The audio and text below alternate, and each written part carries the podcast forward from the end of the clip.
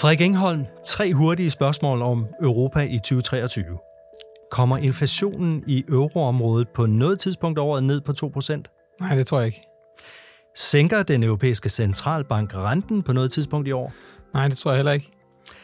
Bliver det muligt at opnå et positivt afkast på europæiske aktier i 2023? Det bliver på et hængende hår. På et hængende hår. Tak for det. Korte, tre korte forudsigelser om økonomien og de finansielle markeder i Europa i 2023. Velkommen Frederik Engholm, chefstrateg i Nykredit. Tusind tak. Og du kommer til at uddybe svarene om lidt, for det er netop Europa og eurozonen, der er hovedpersonen i denne årets første podcast fra Nykredit Investor Insights. Jeg hedder Lars Derbo, og velkommen også til jer, der lytter med.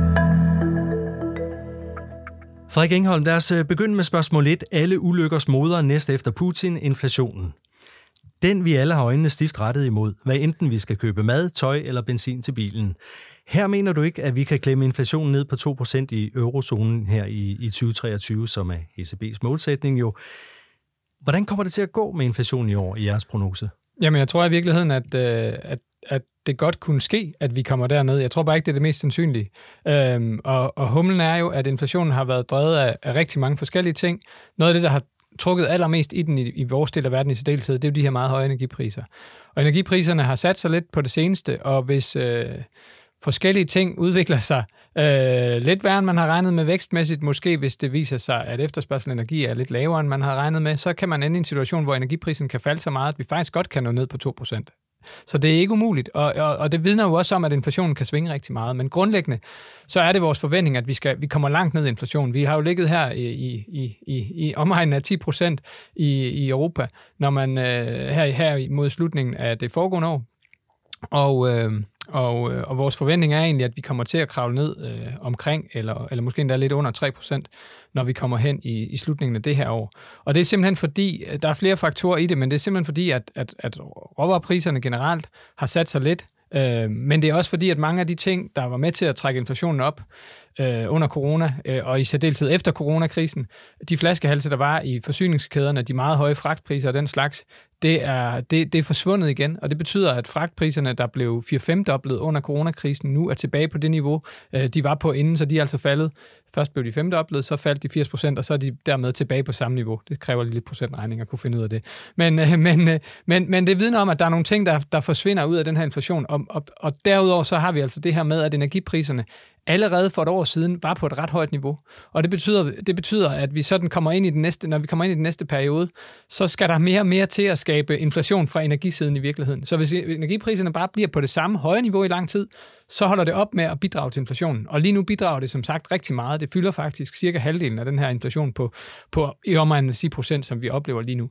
Så det, at vi måske får stabile energipriser, eller måske endda lidt faldende, det kan faktisk være med til at trække øh, direkte ned, øh, ret kraftigt ned i inflationen. Og, og det er egentlig vores forventninger, og dermed også, at vi ender året på et, et meget mere normalt niveau. Stadigvæk for højt, og stadigvæk et niveau, der vil bekymre øh, centralbanker, hvis vi ligger der for længe, men, men et niveau, der, der slet ikke er sådan helt så skørt, som det vi har oplevet i år, og altså er noget, vi sådan har har været forbi de sidste, øh, sådan også over de sidste 10-20 år de niveauer, vi har oplevet i, i, i, 20, øh, i 2022, det var niveauer, vi skulle tilbage til 80'erne for at genfinde. Det må man sige. Øh, så altså, vi kan komme ned, men vi skal også forberede os på, sådan er det jo med inflation, at det bliver stadig nogle højere prisskilte, der kommer på det der madtøj og benzin. Ja, ja og, det, og det er faktisk en god pointe, for man kan sige, selvom inflationen kommer ned, så betyder det jo ikke, at priserne falder. Det falder måske på nogle varer, men, men generelt så forventer vi stadigvæk, at prisstigningstaksten faktisk er, sti, er højere, end den, den, den er normalt. Altså at priserne stadigvæk bliver sat op i et hurtigere tempo end normalt, bare ikke helt lige så hurtigt tempo, som det er sket i år. Så, så nogle gange, jeg, jeg, jeg deltog i, i en øh, DR, øh, hvad hedder det, radioudsendelse, hvor, hvor de byttede lidt rundt på det her med, om priserne faldt eller inflationen faldt. Priserne kommer til at stige stadigvæk, men i et langsommere tempo, og det betyder lavere inflation. Hvad med de øvrige komponenter i inflationstallet? service, øh, omkostninger osv. Hvordan ligger de? Ja, og man kan sige, det er noget af det, som, som typisk flytter sig meget mere langsomt, og også har gjort det i den her ombæring. Så først var der nogle ting, der trak kraftigt op i, i den overordnede inflation. Vi snakker energi, fødevare, noget andet, der flytter sig sådan meget pludseligt og kan stige rigtig, rigtig voldsomt. Men det er sjældent, at man oplever, at at, øh, at ens øh, frisørregning måske lige frem bliver, bliver sådan to- eller tredoblet på meget kort tid. Men det kan jo faktisk godt ske med energipriser. Vi så gaspriserne i blev, blev tidoblet på meget kort tid. Så det kan godt ske med nogle andre priser, det kan også ske med nogle enkelte fødevarer. Men servicepriserne, de udvikler sig mere træt, og, øh, og det er også det, vi har set. Men det betyder formentlig også, at, at, øh, at der er noget træhed der. De kan blive ved med at, at, at, at, at ligge på et lidt højere niveau, og tager nok det også længere tid at få, øh, få, få arbejdet ud af systemet. Det, der typisk er til, før at man får servicepriserne til at, at, at vokse i et langsommere tempo, det er, at økonomien øh, bliver lidt sværere faktisk. Og det er også vores forventning, at vi kommer til at opleve nogle kvartaler, hvor den europæiske økonomi går tilbage. Den her svaghed, den bidrager typisk til noget mere arbejdsløshed, og den højere arbejdsløshed bidrager til, at lønninger, som er det, der er den alt overvejende komponent i servicefagene, øh, at de udvikler sig mere langsomt. Så, så det er sådan en proces, der går lidt langsomt. Og særligt jo, fordi vi har stået i en situation, hvor folk har fået nogle ret lave lønstigninger på 2-3 procent, men inflationen har ligget på omkring 10 procent, da det var værst det er noget, som rigtig mange tænker, det skal de kompenseres for efterfølgende. Så der kommer også en eller anden proces, hvor vi lige skal have det øh, på plads igen, og hvor der vil være nogle overenskomster, hvor folk har en forventning om, at de bliver kompenseret. Øh, ikke så meget for en forventning om høj inflation fremadrettet, men for den inflation, der overraskede så kraftigt i de år, der er gået. Og vi har jo netop aktuelt taget hul på overenskomstforhandlingerne her i Danmark i, i de her dage, så det bliver spændende at se, nu nærmer du sig der, så spørgsmål to, nemlig øh, den europæiske centralbank og renterne, fordi med øh, alle ulykkers moder følger så også den onde onkel renteniveauet og øh, den europæiske centralbanks og deres styringsrente. Øh, her var du heller ikke optimistisk. Det blev et nej. Hvorfor?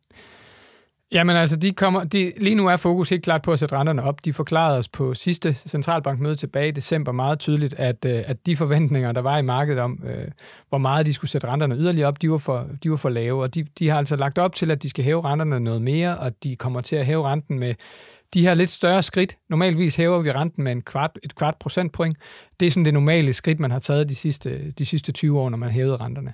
Øh, de, de, i, I denne her ombæring, der har man, der har man øh, jo gået af endnu større skridt af, af 0,75 procentpoint. Og så øh, på det seneste, der har både den amerikanske og den europæiske centralbank skruet ned til et halvt procentpoint. Og det har, de, det har ECB indikeret, at det er nok det tempo, man kører videre med et par møder endnu i hvert fald. Øhm, og de siger altså, at renterne skal noget højere op fra det niveau, vi er kommet til. Vi er jo gået fra en negativ rente på en halv procent til, til nu 2 procent, og vi skal altså noget højere op. Så det er også i Europa et stort skifte i, i renterne, ligesom man har set det andre steder. Og det er altså fordi, at ECB er rigtig bekymret for, at inflationsforventningerne kommer til at skride. Altså at folk, fordi de har oplevet en meget høj inflation, kommer til at forvente, at, at den bliver ved med at være høj i lang tid, og måske derfor sætter nogle høje lønkrav, og så har man en eller anden sådan selvopfyldende øh, cirkeleffekt, der ligesom bliver ved med at køre. Ja, præcis. Ja, ja. Og det, det er det, er det, de er meget bekymret for i ECB, og man kan sige, det der er særligt ved ECB modsat en række andre centralbanker, det er, at de har kun én målsætning, og det er inflationen. Andre centralbanker kan måske sige, at det kan godt være, at inflationen er lidt for høj, men vi har jo lidt fokus på nogle andre ting, også øh, vækst og arbejdsløshed og sådan noget. Det har man i princippet overhovedet ikke i ECB. Kun indirekte. Så derfor så føler de måske en ekstra forpligtelse til at sikre sig, at inflationen kommer ned igen. Og de er noget, noget mere bekymret for, at inflationen kan blive ved med at være høj. Øh, faktisk har de en forventning om, at selv i 2025 vil inflationen ifølge ECB's egen forecast ligge over øh, den målsætning på 2%, de har, og, og faktisk sådan ikke bare øh, 0,1 eller 0,2 år, men faktisk øh, et stykke over. Øhm, så, så, så det er det, der danner baggrund for, at de tænker, at vi er nødt til at blive ved med at hæve renterne, vi er nødt til at sikre os, at inflationen længere ud i fremtiden kommer ned på målsætningen, sådan at, at, at folk ikke begynder at tvivle på, at vi er, er, er stålsatte i forhold til at opnå det her, det her 2% mål, som vi har. Og lad mig lige være sikker på, hvor ser I, at ECB ender med renten i år? Vi tror, at de kommer til at hæve på de tre kommende møder. Øh, det første med et, et halvt procentpoint, det ligger i februar. Øh, det næste med en, øh, et, et halvt procentpoint mere, det ligger i marts måned.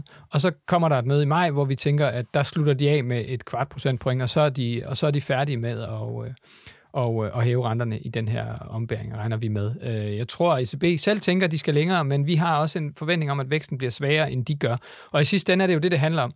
Det handler om, at man gør det her for at bremse økonomien sådan at den svagere økonomi, den, øh, den ender med at give et lavere inflationspres gennem et mindre stærkt arbejdsmarked, mindre pres på lønninger, og på den måde sådan samlet set en, en, en sværere efterspørgsel i økonomien i det hele taget.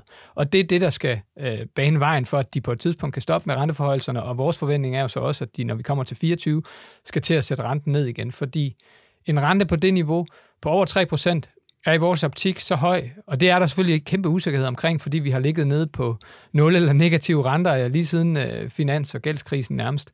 Øhm, men vores forventning er altså, at de i løbet af 24 øh, skal sætte renten øh, noget ned til et, et niveau, der altså ligger, ligger øh, på 2% eller under formentlig, når vi kommer øh, 24 og ind i 25. Fordi vi tænker ikke, at det her, det er, den her rente på mere end 3% er ikke for os at se et normalt niveau for ECB at blive liggende på. Det er en, det, man vil kalde en stram pengepolitik, som altså bremser økonomien. Så der skal man nok ikke ligge hele tiden. Og hvor hård bliver den opbremsning i økonomien? Jamen, vi tror ikke, det bliver sådan nogen meget stor økonomisk krise, men vi tror, det bliver nok til, at vi kommer til at opleve flere kvartaler med økonomisk tilbagegang, der kan mærkes, og en stigning i arbejdsløsheden, som kan ses. Og, øh, og, og specielt det sidste, hvor meget arbejdsløsheden reelt kommer til at stige, er der meget stor usikkerhed om, fordi virksomhederne i Europa har haft, ligesom, ligesom i USA også øh, har oplevet det, haft, haft oplevet mangel på arbejdskraft, og derved måske kan risikere at have en tendens til selv i perioder med økonomisk svaghed, hvis man forventer, at den er forbigående og ikke er alt for voldsom, at man så faktisk holder fast i sin arbejdskraft af frygt for ikke at kunne skaffe den igen, når man skal bruge den. Og det er jo sådan noget, der kan bidrage til, at den, den sådan opblødning i arbejdsmarkedet, man kunne øh, ECB sigter efter for at få inflationen ned, den måske ikke kommer fuldt ud, øh, og dermed måske også, at, øh, at inflationspresset bliver mere langvejt. Og hvis det er tilfældet, så må de gøre noget mere, men i virkeligheden er det det, vi, vi sigter efter. Vi har altså en forventning om et, nogle kvartaler med, med, med en negativ vækst i omegnen af en halv procent, så vi taber sådan øh, 1 procent i BNP eller noget den dur. Og det er altså nok til typisk at skubbe arbejdsløsheden øh, et stykke op. Og det er nogle kvartaler, vil det sige, at når vi sådan kommer på den anden side af en dejlig sommerferie, så begynder det at se lysere ud? Ja, så tror vi lige så stille, at vi kan begynde at se en, øh, en økonomi, der, der er bedre. Så det er også et spørgsmål om, at det her er en kombination af, at den stramning af pengepolitikken, som ECB har lavet, forholdelsen i renten og nogle andre greb, de har lavet i baggrunden af mere teknisk karakter, det medvirker til at bremse økonomien. Men dertil har vi jo fået det her øh, inflationschok, som, som, øh, og energikrise, som jo, øh, som jo i sig selv trækker noget saft og kraft ud af økonomien. Altså folk har oplevet, at deres lønninger faktisk ikke rigtig slår til i forhold til at købe de ting, de plejer at skue, og skulle måske gribe til deres opsparing. Det chok øh, er hårdest i starten. Der går noget tid, så vender man sig i stille og roligt til de lidt højere priser. Lønningerne flytter sig jo, selvom de måske ikke flytter sig helt så meget, som vi kunne ønske os med den meget høje inflation, så flytter de sig stadigvæk over tid. Og, og det betyder altså, at vi bedre og bedre igen kan få råd til de ting, vi gerne vil købe. Så selvom der er nogle forskellige modvinde, så er der nogle af dem, der med tiden, selv hvis de ikke går væk, begynder at blive et mindre problem, og det vil for eksempel gælde de her øh, energipriser, som, som er forhøjet. Og så er spørgsmålet jo også, hvor længe bliver de ved med at være forhøjet, for det ser ud til, at vi også er relativt gode til at, at finde øh, gas fra andre kanaler end fra Rusland, selvom mange havde troet, det var umuligt. Og på den her måde kan vi jo så bevæge os ind på spørgsmål 3, nemlig er der overhovedet noget og nogen grund til at kigge på europæiske aktier her i 2023? Øh, jeg spurgte dig, bliver det muligt at opnå et positivt afkast på europæiske aktier i 2023? Og du svarede på det hængende hår. Ja, det gør jeg, fordi at jeg tænker egentlig, at det, det er en, det er et, et close call, og det, er, og det er det, fordi vi ser egentlig, for det første er Europa øh, øh, en af de steder i verden, hvor vi, vi bliver, formentlig bliver hårdest ramt i år øh, vækstmæssigt. Og det er sjældent godt for vores aktiemarked. Vores aktiemarked er ovenikøbet også øh, det, man vil kalde et af de mere cykliske. Altså, det vil sige, at vi, er, vi, har, vi har mange øh, selskaber i, i, i de store aktieindeks, der er ret øh, afhængige af, at, øh, at økonomien vokser. Øh, der er andre typer af selskaber, der er mindre afhængige af, om økonomien vokser. De klarer sig sådan uanset hvad nogenlunde, og har en mere stabil... Medicinal, for eksempel. Ja, det kunne, også, som, det kunne være et ja, eksempel mm-hmm. på mhm. det. Øhm, og, og der kan også være nogle, nogle tech-firmaer, som også er mindre øh, følsomme over for, øh, for, for de økonomiske konjunkturer. Men i Europa har vi et generelt et aktiemarked, der sammenlignet med det amerikanske er mere konjunkturfølsomt. Så og vi oven i købet forventer en, en ringere økonomisk udvikling i Europa, så giver det samlet set en cocktail, der lægger pres på de europæiske aktiemarkeder. Det er ikke helt gået markedet forbi. Det betyder også, at prisfastsættelsen af europæiske aktier er også øh, lavere af samme grund. Så, så, så det er ikke fordi aktiemarkedet overhovedet ikke har opdaget det her. Men vi tror generelt, at den periode, vi går ind i med, med tror vi, øh, en yderligere svækkelse af europæiske nøgletal, en europæisk centralbank, der i hvert fald et stykke tid ind i året holder fast i den her ret hårde kurs, og gerne vil sikre sig, at markedet bestemt ikke får en opfattelse af, at inflationen er ved at løbe fra dem. Så de bliver ved at sende de her ret hårde signaler. Det tror vi er noget, som øh, det europæiske aktiemarked vil have det lidt, lidt, øh, lidt svært med. Så den første del af året ser vi som relativt svær. Så kommer vi længere ind i året. Vi begynder måske at være over den periode, hvor, hvor nøgletallene bliver ved med at forværres. De begynder måske at forværres henover, eller forbedres, undskyld, henover sommeren og, og, og det tidlige efterår. Og i den periode, kan man sige, så i og med, at det europæiske aktiemarked også er det mest cykliske, så vil det også typisk, hvis man begynder at sådan øh, få lidt bedre, øh, hvad skal man sige, se lidt bedre udsigter for fremtiden, så vil det typisk også være de europæiske aktier, der, øh, der, der vil være nogle af dem, der klarer sig bedst. Så vi kan have et andet halvår, hvor, hvor, det, hvor det vender på hovedet i virkeligheden. Og, og hvorvidt det bliver muligt for det europæiske aktiemarked at genvinde det, de har tabt i, øh, de potentielt kunne have tabt i, i, i den første del af året, det er et åbent spørgsmål, men vi tænker egentlig, at det bliver sådan relativt tæt, at vi, at vi muligvis godt kan, kan, kan, kan tabe noget, den ene del vinde noget tilbage, den anden del, så vi lander tæt på et nul. Det vil stadigvæk være et relativt øh, ærgerligt aktieår. Normalvis forventer man sig mere af noget, der, der svinger, mm, hvor man har risiko for at tabe sine penge, men, men, øh, men vi har ikke sådan høje forventninger til aktier for året generelt, men tror, at når vi kommer ind i året, så kommer der et tidspunkt, hvor det kan betale sig at skrue op for dem igen, fordi så begynder tingene at se lidt bedre ud. Også med tanke på, at at der jo nok kommer et tidspunkt i løbet af 24, hvor centralbankerne begynder at gøre noget mere for os at understøtte væksten. Det er vores forventning. Der er nogen, der forventer, at det allerede sker i år. Det tror vi heller ikke bliver tilfældet. Så der kan også lige være sådan en sige, forventningsafstemning med centralbankerne og markederne, der kan, der kan koste lidt på aktiemarkedet. Men vi tror, når vi kommer ind i 24, så tror vi, at at, at centralbankerne igen har luft, og måske så meget tillid til, at inflationen kommer ned, at de kan, de kan sænke renterne. Og den idé og de signaler begynder vi måske allerede at få i, øh, i, den, i den sidste halvdel. Det er svært at sige lige, hvornår her, hvor vi står et stykke tid inden, men i den sidste halvdel af året. Og det er også noget, der kan, der kan sætte skub under, under markederne. Hvad, hvad skal man holde øje med som investor? Hvornår? Hvor, hvor er signalet? Hvad er det for en lampe, der begynder at lyse? Nej, men altså, vi, vi bruger jo rigtig meget tid på at lytte til, hvad centralbankerne siger. I første omgang, så, så tror jeg, det er noget med, at der kommer nogle økonomiske nøgletal, som bliver svære, og måske også nogle centralbanker, der begynder i hvert fald i deres signaler og være mere øh, uenige internt. Så det er jo sådan, at centralbankerne, de medlemmer, der sidder i styringsrådene i centralbankerne, typisk er ude og holde nogle taler ved forskellige begivenheder, økonomiske konferencer og offentlige seancer af forskellige art. Og, øh, og, og der begynder man så ret... På det seneste har de været relativt enige om en kurs, øh, som er relativt hård, altså flere renteforholdelser og renteforholdelser i, i, i nogle større skridt. Jeg tror, øh, jo længere vi kommer ind på året, og hvis vi ser noget af den økonomiske svaghed, vi forventer, så begynder der at komme et tidspunkt, hvor flere øh, begynder at, at, at mene, man skal gå en anden vej, måske stramme pengepolitikken knap så meget. Det vil være et af signalerne om, at nu begynder balancen måske lidt at tippe. Øh, som sagt, jeg tror, vi skal et stykke længere ind i året, for det virker faktisk relativt mere enige, end vi havde regnet med, at de skulle være allerede på nuværende tidspunkt, hvor nogle nøgletal i Europa allerede signalerer en vis økonomisk svaghed. Men det tror vi altså bliver, bliver intensiveret over den kommende tid. Så altså lys forude på den anden side af sommerferien, men hvad gør man lige nu som investor? Jamen, vi holder egentlig fast i, at vi stadigvæk er øh, sådan lidt forsigtige med de, øh, med de udsigter, vi har på den lidt kortere horisont, hvor vi stadigvæk ser nogle, øh, nogle lidt mørke skyer over aktiemarkedet. Så vi har stadigvæk en undervægt af aktier generelt, altså lidt færre aktier i porteføljen i det hele taget, end vi normalt ville have. Glo- så, globalt set. Globalt set, ja. ja. Vi har en overvægt af amerikanske aktier, som er et lidt mere forsigtigt aktiemarked end det europæiske, defensivt, kan man, kan man sige. Så på den måde et aktiemarked, der typisk klarer sig bedre i de perioder, hvor, hvor investorerne bliver rigtig bekymrede. Og vi har en, en tendens til at favorisere nogle af det, man vil kalde defensive sektorer. Det kunne for eksempel være sundhed, som du selv nævnte. Øhm, eller sektorer, som har det godt med øh, rentefald. Og nu sagde jeg jo lige, der kom yderligere renteforhold, men, men rentefald i den lidt Øh, i de lidt længere renter, altså de 10-årige obligationsrenter, forventer vi faktisk godt kan drive lidt ned, netop af frygt for den økonomiske udvikling. Det er typisk sådan, at mens centralbankerne hæver renterne, de helt korte renter, så kan de lange renter godt øh, opføre sig anderledes. Og det gør de faktisk typisk, hvis man begynder at frygte for den økonomiske udvikling, og, og begynder at indregne, at der på et tidspunkt kommer et behov for, at centralbanker sænker, sænker renterne igen. Og der vil, der vil IT-aktierne være nogle af dem, der typisk øh, nyder godt af det.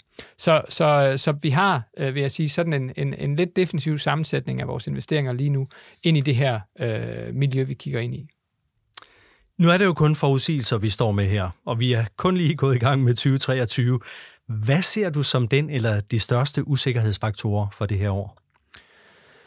Jamen, jeg vil sige, at det, som er, er, er den helt store usikkerhedsfaktor, det er efter så lang tid, hvor renterne har været på så lavt niveau. Og amerikanerne nåede jo lige at hæve dem lidt i, øh, fra 16 til 19, og så måtte de sænke dem igen, fordi der kom en handelskrig.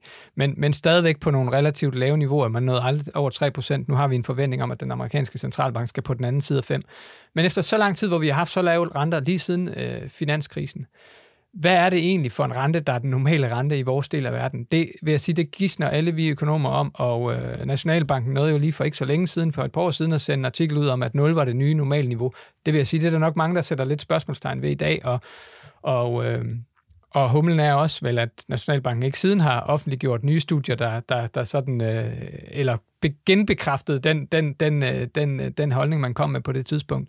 Øh, selvom den blev, pointen blev understreget af Lars Rode også. Og det, og det var egentlig, det var ikke fordi, øh, for at hænge Nationalbanken ud, for det var egentlig en grundholdning blandt mange økonomer, men det er bare for at sige, lige nu er vi alle sammen nok lidt i tvivl om præcis, hvad er det nye normale renteniveau, hvor mange af de faktorer, som var med til at trække renterne så langt ned, var i virkeligheden permanente faktorer, og hvor mange af dem var mere forbigående, og i virkeligheden en reminiscens af finanskrise og gældskrise, som henholdsvis hele verden og Europa slås, slåsede med i, øh, i, øh, i, øh, fra 2008, og så i virkeligheden måske helt op næsten til coronakrisen. Eftervirkningerne af det i hvert fald. Og så har du ikke nævnt, og det gør ikke noget, for tiden går jo også, men du har ikke nævnt Rusland her i den her omgang, når jeg taler om usikkerhedsfaktorer. Det, det synes jeg heller ikke er den væsentligste. Så det kommer ikke, om, om vi får løst det problem derovre, det kommer ikke til at spille ind? Jamen, jeg, jeg vil sige markedsmæssigt, det, jeg tror, det er den væsentligste i mange andre sammenhænge, og det, jeg tror, det kommer til at betyde meget for vores politikere, men markedsmæssigt tror jeg ikke, at, at det er den væsentligste øh, faktor for os. Jeg tror ikke, at det kommer til at flytte voldsomt meget ved råvarepriserne, øhm, og økonomisk har det ikke den helt store effekt længere. Så det betyder selvfølgelig noget sikkerhedsmæssigt, og for og øh, de fleste af os mennesker, der følger med i det og, og tænker på de stakkels ukrainer, men markedsmæssigt tror jeg ikke, det er den mest øh, afgørende faktor. Meget spændende. Tusind tak, øh, Frederik, fordi du øh, kaster dig ud i og, og komme med de her forudsigelser her ved, ved starten af året. Tak for analysen. Og øh, til lytterne vil jeg sige, at øh, du har lyttet til podcasten Investor Insights fra Nykredit. Din vært i dag var undertegnet Lars Derbo. Du kan høre flere podcasts og også læse artikler om investeringer og økonomi på nykredit.dk. Du kan desuden finde vores podcast på SoundCloud, Apple Podcast og Spotify. Tak fordi du lyttede med.